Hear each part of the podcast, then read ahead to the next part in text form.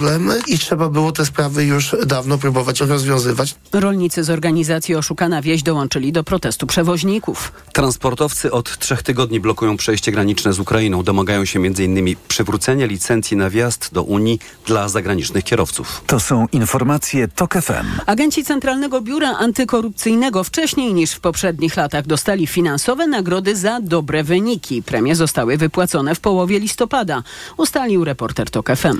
Politycy obecnej sejmowej większości, a jeszcze do niedawna opozycji, pytają, czy ma to związek z zapowiedziami likwidacji CBA. Szymon Kępka. CBA potwierdza, że w tym roku nagrody uznaniowe przyznano wcześniej. Decyzja o nich zapadła przed wyborami, twierdzi Robert Sosik, rzecznik CBA. Te nagrody wypłacane są okresowo, a ich wysokość jest zależna od efektywności służby. One niekiedy są wypłacane w grudniu, niekiedy wypłacane są w listopadzie. A zdaniem posła KO Krzysztofa Brejzy nagrody wypłacane w listopadzie mają związek z zapowiedzią o likwidacji CBA. Spójrzmy na kalendarz. Umowa koalicyjna, gdzie zawarto zapis o likwidacji CBA, podpisana została 10 listopada. Później nagrody w CBA. Ewentualna likwidacja tej formacji zależy teraz od sejmowego kalendarza. Możliwe, że w grudniu takich nagród by już nie było, twierdzi poseł Brejza. To jest taki ostatni skok na kasę ludzi PiSu. To jest sytuacja, która nie miała miejsca od wielu, wielu lat. Ściśle związana jest z przegraniem przez PiS wyborów. CBA mówi, że wysokość przyznawanych nagród nie różniła się od tych wypłacanych w poprzednich latach. Szymon Kępka, TOK FM.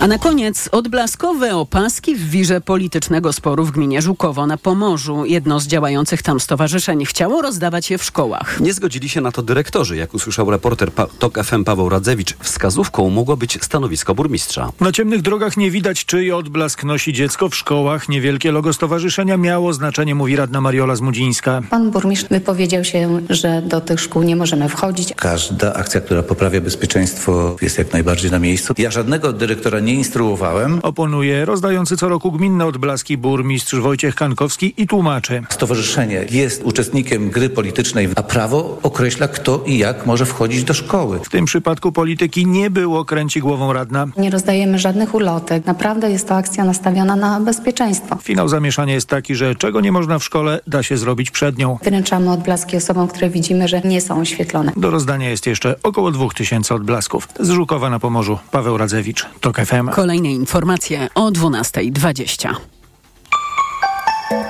Pogoda. Na południu Polski będzie dziś więcej przejaśnień, na zachodzie i północy więcej chmur i śnieg. A na termometrach w najcieplejszym momencie dnia minus 5 stopni na Mazurach i Suwalszczyźnie i 0 w zachodniopomorskim.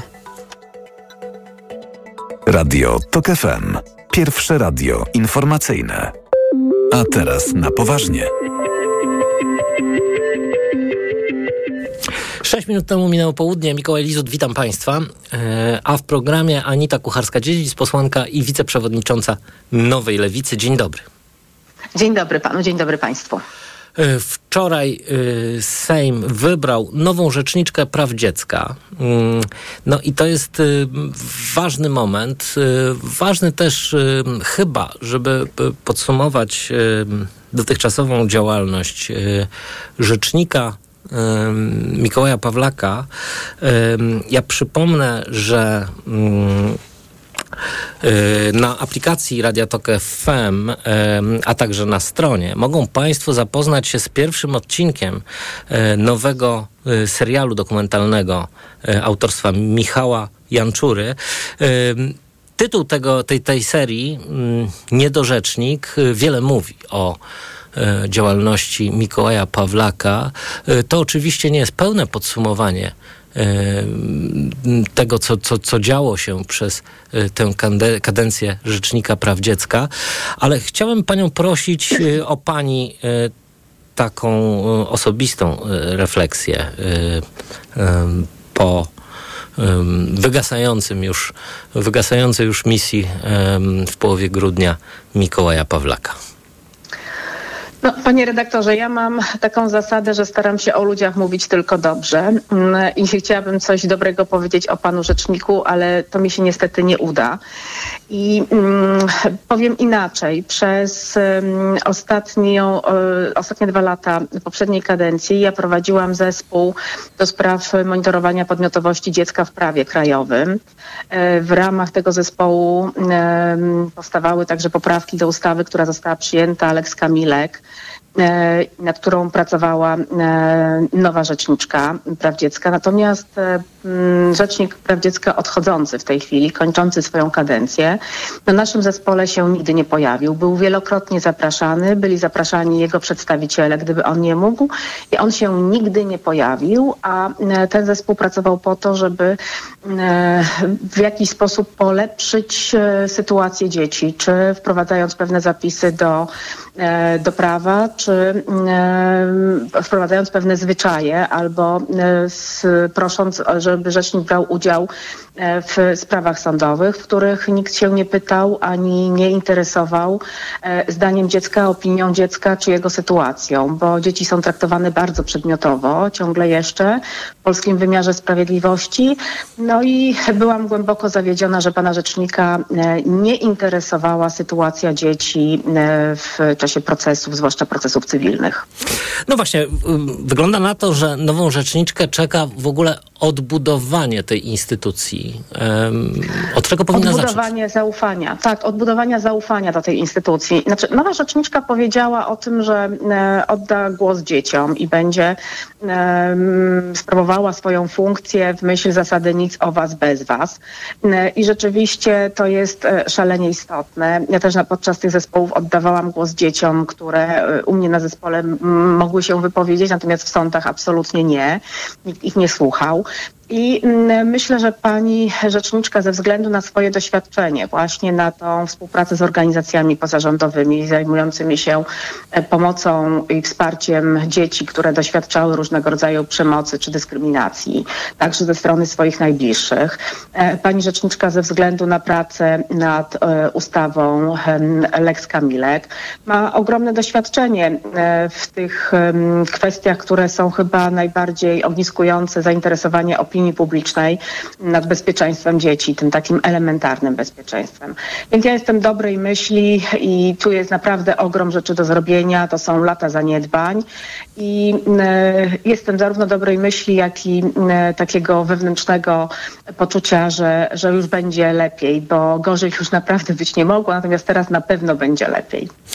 E, Pani poseł, mm, jest pani kandydatką lewicy do Komisji do Spraw Wyborów Kopertowych. Przypomnijmy, że Sejm em, uchwalił już e, trzy komisje e, śledcze, między innymi tę. I mm, skoro tak jest, to może pomówmy o tym, na czym e, polega problem z tymi wyborami kopertowymi, które się nie odbyły. Mm, Czy Pani zdaniem istotą całej tej sprawy jest po prostu no, gigantyczne marnotrawstwo środków publicznych e, na przedsięwzięcie, na wybory, e, które nie miały miejsca.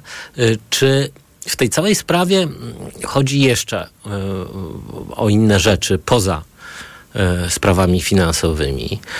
No przypomnijmy też, że jak, wykazał, jak wykazała Najwyższa Izba Kontroli, na przykład Poczta Polska bezprawnie przekazała e, dane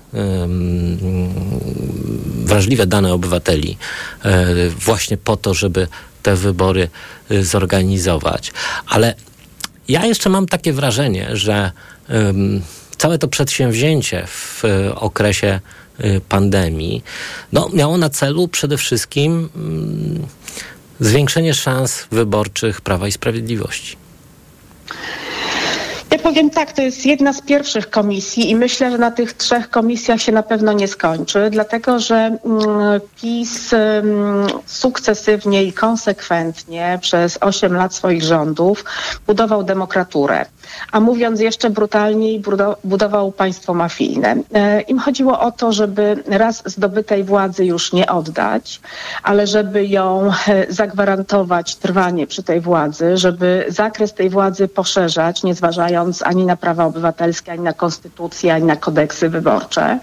I trzecia rzecz, dlatego użyłam sformułowania mafijne, chodziło im także o to, żeby na tej władzy korzystać finansowo, bo w- wczoraj rozmawialiśmy o komisji dotyczącej wyborów kopertowych i dotyczącej Pegasusa. To są te dwie, które mówią, które pokazują te mechanizmy, czy pokażą te mechanizmy, w których PiS e, tej władzy nie chciał oddać, a wręcz chciał ją poszerzać i zagwarantować sobie różnymi sposobami jej utrzymanie. Ale także e, wczoraj była dyskusja e, o aferze wizowej, czyli o tych sposobach na korzystanie e, z tej władzy e, w taki sposób, by sobie po prostu różni panowie, przyjaciele i znajomi królika w sposób nieuczciwy dorabiali, mając pewne, pełne przekonanie, że prokurator generalny na pewno się tymi sprawami nie zajmie.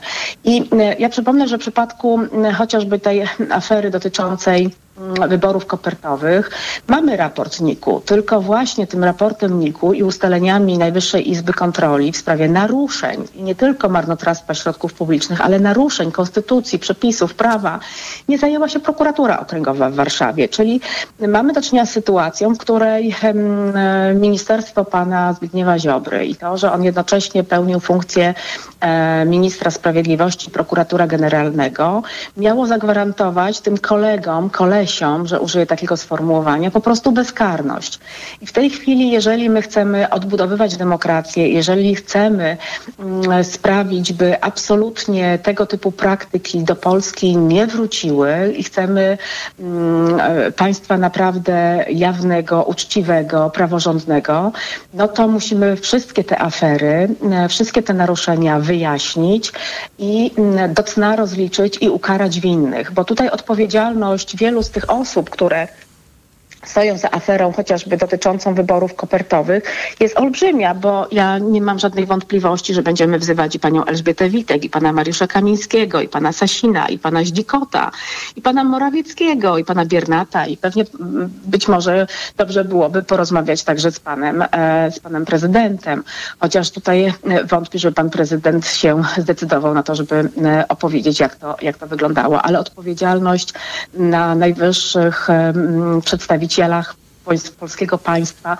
po prostu spoczywa za te wszystkie afery i, ym, i myślę, że jest przed, na, przed nami, przed tymi wszystkimi, którzy kandydują do komisji, którzy w nich będą zasiadać, którzy będą tworzyć kolejne komisje, jest ogrom pracy do wykonania. No tak, no ale PiS tłumaczy się, proszę Państwa, była sytuacja ekstraordynaryjna, e, byliśmy w pandemii, em, wyborów nie dało się zorganizować e, w, sposób tradycyjny ze względu właśnie na e, ograniczenia pandemiczne.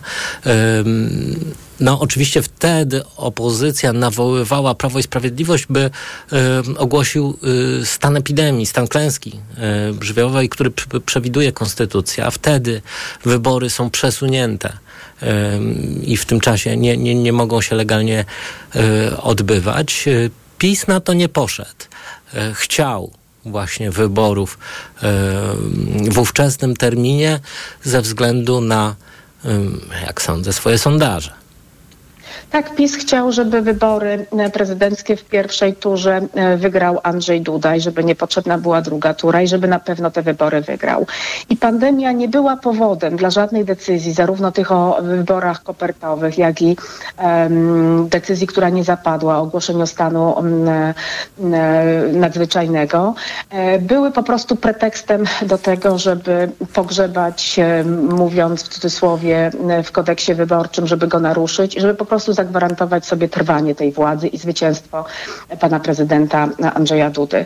Więc to nie był powód, pandemia nie była powodem do niczego. Pan, pandemia była pretekstem do tego, żeby naruszać polskie prawo, naruszać konstytucję, żeby zagwarantować sobie utrzymanie władzy, a żeby przy okazji sobie na tym, na tej pandemii zarobić, bo przecież e, ja mówiłam o tym, że będziemy, decydowaliśmy wczoraj o em, powołaniu także komisji dotyczącej mm, afery wizowej, ale przecież jeszcze mamy ogrom afer związanych e, właśnie ze stanem pandemii. Przecież mamy respiratory, mamy maseczki, mamy wiele nierozliczonych e, środków e, państwowych, środków publicznych, które poszły w kosmos, a nie na ratowanie życia i zdrowia obywateli. No, PiS mówi cały czas, nie szkoda róż, gdy płonie las. Byliśmy w sytuacji pandemicznej, rzeczywiście wydawaliśmy wielkie y, pieniądze no po to, żeby mm, zagwarantować funkcjonowanie e, państwa, ratować ludzi. E, czasami oczywiście te decyzje były może pochopne, może błędne. Rzeczywiście wybory kopertowe się nie odbyły, respiratory rzeczywiście nie były nie były ani tanie, ani działające, no ale staraliśmy się coś robić. No, po pierwsze, jeżeli mówimy o tym ratowaniu życia i zdrowia ludzi, to zważywszy na statystyki, e, jak to się skończyło w przypadku polskich pacjentów, no to niespecjalnie im to wyszło, e, to po pierwsze. Mm, ale to jest e, znowu tłumaczenie, że coś się działo, w związku z tym mogliśmy łamać zasady. Coś się działo, w związku z tym mogliśmy łamać procedury. Praworządność polega na tym, że państwo jest przygotowane na sytuacje kryzysowe kiedy się sytuacje kryzysowe pojawiają, to państwo ma przygotowane i procedury, i ścieżki radzenia sobie z problemem, ścieżki wychodzenia z kryzysu.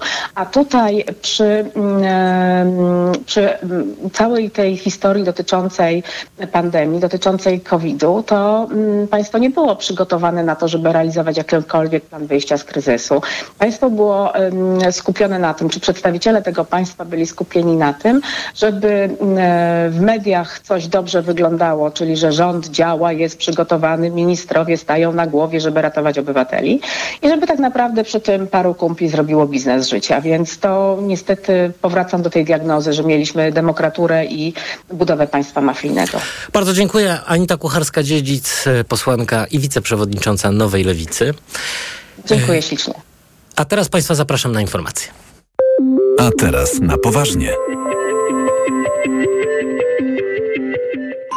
Autopromocja. Niedorzecznik. Nowy serial radiowy TOK FM. Zaprasza Michał Janczura. Ten serial ma pokazać, co się dzieje, gdy na stanowisko rzecznika praw dziecka trafia osoba, która najczęściej broni interesów dorosłych i jednej partii. Gdy zamiast dobrem dziecka rzecznik kieruje się ideologią i jak wielką krzywdę można wyrządzać po prostu milcząc wtedy, gdy w obronie dzieci trzeba krzyczeć. Niedorzecznik. Pierwszego odcinka posłuchaj już dziś po godzinie 20 w audycji Mikrofon Tok FM. Autopromocja. Reklama. Czy Mikołaj już wie, co sprezentować Zosi? A wie. I wie też, gdzie najniższe ceny mają. Wszystko na Mikołajki? Na Allegro mają. Już dziś zamów zabawki z gwarancją najniższej ceny. Szczegóły na gwarancja.allegro.pl. Allegro. Reklama. Radio TOK FM. Pierwsze radio informacyjne. Informacje TOK FM. 12.20 Konrad Sabal. W Sejmie trwa pierwsze czytanie obywatelskiego projektu ustawy o wynagrodzeniach pielęgniarek. To ma być systemowe rozwiązanie poprawiające sytuację pracowników ochrony zdrowia. Na przyjęcie ustawy liczy Dorota Ronek z Ogólnopolskiego Związku Zawodowego Pielęgniarek i Położnych. Wynagrodzenia będą bardziej sprawiedliwe, to się przełoży też na jakość naszej pracy, a przede wszystkim na to, że młode osoby będą chciały wchodzić do tego zawodu, bo cały czas mamy deficyt, y, jeżeli chodzi o liczbę pielęgniarek i położnych. W Polsce 105,2 na tysiąc mieszkańców, a średnia europejska jest 9 pielęgniarek na tysiąc mieszkańców. Rozwiązanie popiera Koalicja Obywatelska. Decyzji o ostatecznym poparciu projektu nie podjęło jeszcze Prawo i Sprawiedliwość. Wiadomo, że partia nie będzie wnioskować o odrzucenie go w całości. Sprawę wczorajszego wypadku w kopalni w Jaworznie, w którym zginęło czterech pracowników, poprowadzi prokuratora okręgowa w Sosnowcu. Poszkodowani górnicy pracowali przy płukaniu rurociągu. W trakcie napełniania wodą nastąpiło niekontrolowane rozerwanie. Śledczy na razie nie informują, jaką kwalifikację prawną biorą pod uwagę. Dodatkowych informacji mają udzielić jeszcze dziś po południu. Prezydent Jaworzna ogłosił dziś rano kilkudniową żałobę w mieście. Projekt trzeciej drogi sprawdził się w wyborach parlamentarnych na poziomie sejmików wojewódzkich. Powinniśmy iść razem, powiedział wiceszef Polski 2050 Michał Kobosko. Zaznaczył, że ciągle trwają rozmowy o tym, w jakiej konfiguracji jego partia i PSL pójdą do wyborów samorządowych. Decyzja o wspólnym starcie jeszcze nie zapadła. Ukraina i kraje bałtyckie zbojkotują rozpoczynające się jutro doroczne spotkanie Organizacji Bezpieczeństwa i Współpracy w Europie. Wszystko przez to, że w Macedonii Północnej ma pojawić się Sergiej Ławrow, szef rosyjskiej dyplomacji. Kijów przekonuje, że Rosja powinna zostać wyrzucona z OBWE. Z kolei rząd w Skopie informuje, że o spotkanie z ministrem spraw zagranicznych Rosji prosiły niektóre kraje zachodnie. Trudne warunki na drogach południowej i wschodniej Polski. W wielu regionach po wielogodzinnych opadach śniegu, zawiejach i zamieciach śnieżnych drogi są białe i śliskie. W wielu miejscach pracują pługi. Z kierowcą jednego z nich rozmawiała lubelska reporterka TOK FM Anna Gmiterek-Zabłocka. Zaskoczyła nas zima. Śnieg odśnieżam i posypuję solą. Trochę pan tym kierowcom pomaga? Tak, pomagam, pomagam. Usypię solą, także powinno się za pół godziny rozpuścić. Dostaje pan sygnały z centrali, gdzie jechać? Tak. Najtrudniejsze są zatoczki przystankowe. Czasami kierowcy, jak jadą za mną, ja włączam kierunkowskaz prawy i zaraz odbijam lewy, a niektórzy się po prostu pchają. Apelujemy o to, żeby troszeczkę rozwagi mieli. Dziś również w innych częściach Polski przybędzie śniegu. Szczegóły już teraz, a kolejne informacje o 12.40. Pogoda. Do końca dnia zachmurzenie duże, większe przejaśnienia i rozpogodzenia możliwe są we wschodniej połowie kraju. Śnieg mocniej popada na zachodzie. Minus 5 stopni w Suwałkach, minus 3 w Kielcach, Łodzi i Rzeszowie, minus 1 we Wrocławiu i Poznaniu, 0 w Szczecinie. Radio TOK FM. Pierwsze radio informacyjne. A teraz na poważnie. Programie Juliusz Braun, były prezes TVP, był przewodniczący Krajowej Rady Radiofonii i Telewizji i był członek Rady Mediów Narodowych. Dzień dobry. Dzień dobry panu, dzień dobry państwu. Minister Kultury Piotr Gliński wystąpił do Rady Mediów Narodowych z wnioskiem o wyrażenie zgody na zmianę w statutach telewizji polskiej Polskiego Radia i Polskiej Agencji Prasowej. No i oczywiście chodzi o to w, w tych zapisach, by w likwidacji ewentualnej tych spółek likwidatorami byli także członkowie zarządów spółek. No, to jest oczywiście sposób na zabetonowanie obecnej sytuacji w mediach rządowych. Tymczasem zdaniem zdaniem nowej koalicji to są za, działania zupełnie bezprawne. Dziś gościem Marty Perchuć-Burzyńskiej w programie Kultura Osobista był Bogdan Zdrojewski, poseł Koalicji Obywatelskiej i przewodniczący Sejmowej Komisji Kultury i Środków Przekazu. No i mówił, że to są działania bezprawne. Posłuchajmy. Trzeba pamiętać, że propozycje pana premiera Glińskiego są niezgodne z kodeksem spółek handlowych, są niezgodne także z taką zwykłą logiką, rozsądkiem. Wyobraźmy sobie, że jakiś podmiot y, doprowadza do swojej katastrofy. No i potrzebna jest naprawa tego podmiotu. Kto powinien to robić? No z pewnością nie ten, który doprowadził do tej katastrofy, tylko podmiot zewnętrzny. Jest to ograniczenie też praw właścicielskich y, spółek Skarbu Państwa. One należą przecież do państwa a nie do tego zespołu, który doprowadził do katastrofy.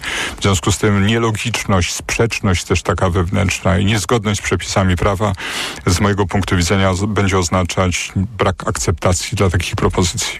No, rzeczywiście media publiczne, można powiedzieć, są w stanie katastrofy, nie tylko finansowej, bo tutaj oczywiście można się nad tym zastanawiać, no ale przede wszystkim moralnej.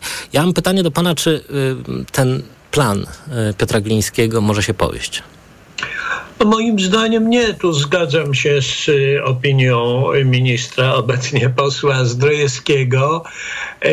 No jest to sprzeczne ze zdrowym rozsądkiem, ale to nie wystarczy. To moim zdaniem również jest niezgodne z prawem. Każdy zapis w statucie spółki musi mieć jakąś podstawę prawną, czy wprost, czy pośrednio ten zapis moim zdaniem żadnej podstawy prawnej nie ma. Wobec tego sąd rejestrowy, który musi te zmiany wpisać, one dopiero wtedy staną się wiążące, moim zdaniem nie powinien tych zmian akceptować. Poza tym to dopóki te zmiany nie zostaną wpisane do statutu, nie staną się częścią statutu, gdyby nawet sąd je akceptował, no to one dopiero wtedy nabiorą mocy właśnie już po wpisaniu. Dopóki nie są wpisane, to minister kultury działając jako walne zgromadzenie może po prostu wycofać. I, I, myślę, Zostało że 10 są- dni, przypomnijmy. 10 no jest dni. 10 dni, jest 10 dni. Z moich doświadczeń wynika, że e, zmiany e, statutów, re, rejestracja zmian statutów trwa zwykle dłużej. Więc byłoby najprościej, gdyby sąd tutaj się nie śpieszył jakoś ekstraordynaryjnie, rozpoczął procedurę, e, zgodnie z logiką powinien e, zbadać zgodność z prawem tego zapisu. E, no i w ciągu 10 dni, czy po upływie 10 dni, e, bo trudno liczyć, żeby obecna pani minister to zrobiła, e, nowy minister kultury po prostu wycofa ten wniosek i, i sprawa będzie zamknięta. No właśnie. E, Przygląda się pan e, z bliska e, temu, co dzieje się w mediach publicznych i oczywiście tutaj cynicy zadają pytanie, czemu PiS y, próbuje to betonować tak późno? No można powiedzieć, że trochę są, y, są to gapy. E, Wie pan, ja myślę, że PiS był tak głęboko przekonany, że jednak wygra te wybory, że nie chciał wprowadzać zmian, które w gruncie rzeczy utrudniają e, nadzór nad spółką ministrowi, walnemu zgromadzeniu czy, czy Radzie Mediów Narodowych, E, bo tutaj też odbiera się de facto kompetencje Radzie Mediów Narodowych przy okazji. E, Po prostu no, to jest taki rozpaczliwy ruch. No, jeżeli już, jak nie jest to już nasze, to spróbujmy, może się samo utopi. No troszkę tak ja to widzę. A jeszcze póki się nie utopi, to będzie, będzie nam służyć. E, Myślę, że to jest y, no, znane powiedzenie, pycha kroczy, kroczy przed upadkiem. Właśnie no, ta pycha wskazująca na to, że na pewno PiS wygra wybory, powodowała, że nie przygotowywał się na możliwość przegranej. Może nawet lepiej. No właśnie. E, Herkules, jak wiadomo, oczyścił stajnię Augiasza, puszczając przez nią rwącą rzekę. E, Myśli pan, że podobnie e, postąpi Bartłomiej Sienkiewicz, nowy minister kultury? No nie wiem, co zrobi minister Sienkiewicz. Nie miałem okazji z nim rozmawiać. Natomiast no, mnie się wydaje, że tutaj dwa, po pierwsze konieczne są dwa ruchy. Pierwszy ruch szybki. E, natychmiast po objęciu y, stanowiska przed, przez nowego ministra, który przypomnijmy, jednocześnie stanowi walne zgromadzenie spółki i działa e, w ramach uprawnień walnego zgromadzenia, e, ale też te uprawnienia są ograniczone przez ustawy w liczbie mnogiej, e, a drugie to jest y, to, co no już po, po części się dzieje, e, to jest publiczna dyskusja, jak chcemy, żeby te media wyglądały, żeby one były e, no, naprawdę publiczne, naprawdę rzetelne. E, I to jest dobry moment, żeby o tym e, nie tylko rozmawiać, ale podjąć decyzję. Po prostu no, ta ustawa, która teraz obowiązuje, z licznymi zmianami, co prawda, ale e, pisana była 30 parę lat temu, no, po prostu w innej epoce. No tak, no ale mm, doskonale przecież y, wszyscy wiemy, że w, tej chwili reforma mediów y, publicznych przy pomocy ustawy byłaby szalenie trudna ze względu na koabitację z prezydentem Andrzejem Dudą, który w tej sprawie no, może działać wbrew i y, albo wetować, albo kierować nowe prawo do Trybunału Konstytucyjnego przejętego przez Julię Przełębską. Y, Więc no, y, jak rozumiem pomysł, y, ten pomysł na postawienie w stan likwidacji y, spółek mediowych, no polega na tym, że mm, działają wtedy komisarze czy zarządy komisaryczne, zwalniają wszystkich tych, którzy y, do tej pory po prostu służyli propagandzie y, pisowskiej, mogą także zatrudniać innych dziennikarzy. No i ten, ten stan może mm, trochę potrwać, no przynajmniej do końca kadencji y, Andrzeja Dudy. Ym, Ciekawym pytaniem jest to, co właściwie w takiej sytuacji robiłaby Rada y, Mediów Narodowych, która jak wiadomo, no i głównym i właściwie jednym z nielicznych zadań jest powoływanie i odwoływanie zarządów y, spółek mediów publicznych. No, Rada Mediów Narodowych od y, początku swego istnienia jest y, niepotrzebna, także politycznie niepotrzebna PiSowi. Y, ja to mówiłem już dobrze kilka lat temu, że spodziewam się jej szybkiej likwidacji. Okazało się, nie miałem racji. Przetrwała ale rzeczywiście ona nie ma, zwłaszcza w sytuacji uruchomienia procesu likwidacji. Inna sprawa, czy on jest prawnie możliwy, e, ale zakładając, że jest możliwy, no to ta rada nie ma ni nic do roboty. Staje się ciałem e, martwym. Powinna być zlikwidowana. No. Mhm. No tak, no ale też, e, jak rozumiem, da się zlikwidować także ustawą. Tak, no może być zlikwidowana ustawą, ale mm, moim zdaniem no, nie należy rezygnować z budowania takiej no, idealnej formuły mediów publicznych, trochę idealnej.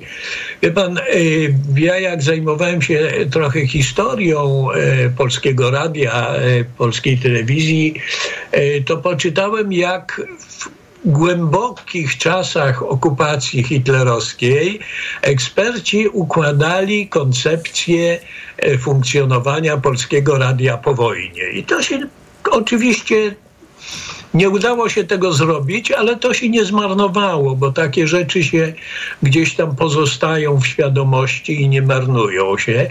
Więc trzeba nad tym pracować niezależnie od tego, co zrobi prezydent Duda. Trzeba próbować. Poza tym wydaje mi się, że przepraszam.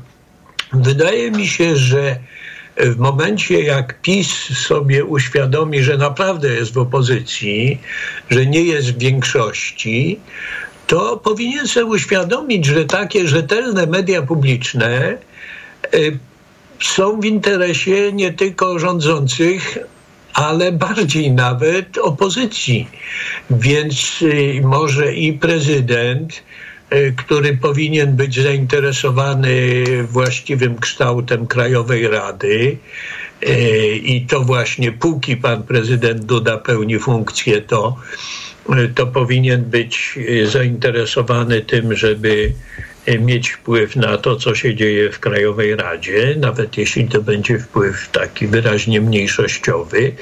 No, trzeba, trzeba sobie o tym, jak te media publiczne no, ja nie podzielam pańskiej wiary ani mm, tego pięknego ducha. Mm, wydaje mi się, że PiS jest raczej y, wrogo nastawiony do mediów wszelkich, to znaczy nie jest zainteresowany debatą, nie jest zainteresowany jakąkolwiek y, y, dyskusją, wymianą myśli.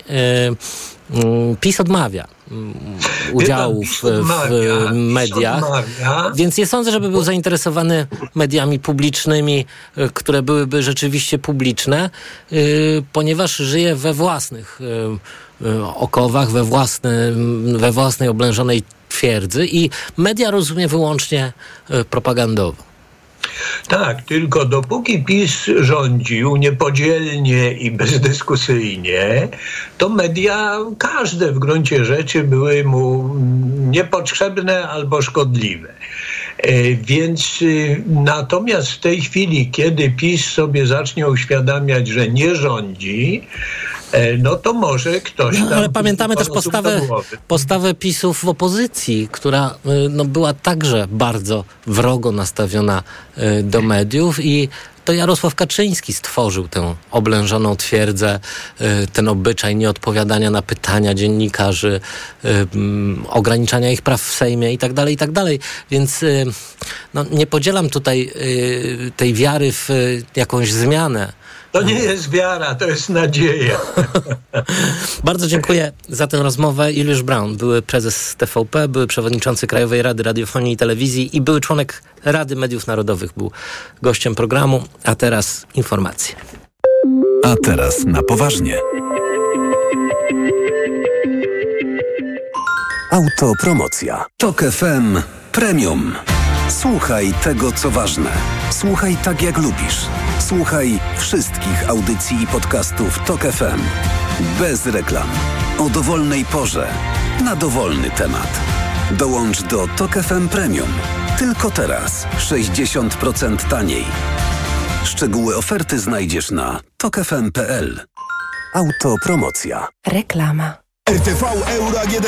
Uwaga! Tylko do jutra. Wielki finał Black Friday Weeks. Tysiące okazji i dodatkowo aż dwie raty gratis. Odkurzacz pionowy Philips Aqua 5000 z funkcją mycia. Najniższa cena z ostatnich 30 dni przed obniżką to 1099. Teraz za 799 zł. I do kwietnia nie płacisz. 30 rat 0%. RRSO 0%. Szczegóły i regulamin w sklepach i na euro.com.pl. W nowej polityce pasje i misje Szymona Hołowni, co przeszłość marszałka mówi o jego przyszłości, a także jak rozliczyć PiS, teatrzyk Dudy, zioło na całe zło, 10 mądrych książek, pułapki sklepowych promocji, rzecznik praw robotów. Polityka w kioskach i na polityka.pl. W te święta przyjdź do Action i zrób zakupy w najniższych cenach. Świąteczna torba na prezenty z papieru pozyskiwanego w sposób zrównoważony, różne rodzaje 2,45. Najniższa cena w ciągu ostatnich 30 dni 2,89. Action niskie ceny, duży uśmiech. Przewodnik Tok FM. Na zdrowie. Słuchaj od poniedziałku do piątku po 14.30. Do usłyszenia. Ewa Podolska. Na program zaprasza sponsor Fundacja My Pacjenci, prowadząca edukację o prawach pacjenta. www.mypacjenci.org. Świąteczne zakupy robię w Lidlu. Już dziś. Wybrane makarony Kombino. Trzeci najtańszy produkt za jeden grosz. Miksuj dowolnie. A kiwi luzem teraz z kuponem Lidl Plus. Jedna sztuka plus druga gratis. Szczegóły promocji w aplikacji Lidl Plus. Lidl. Wyjątkowe święta Bożego Narodzenia.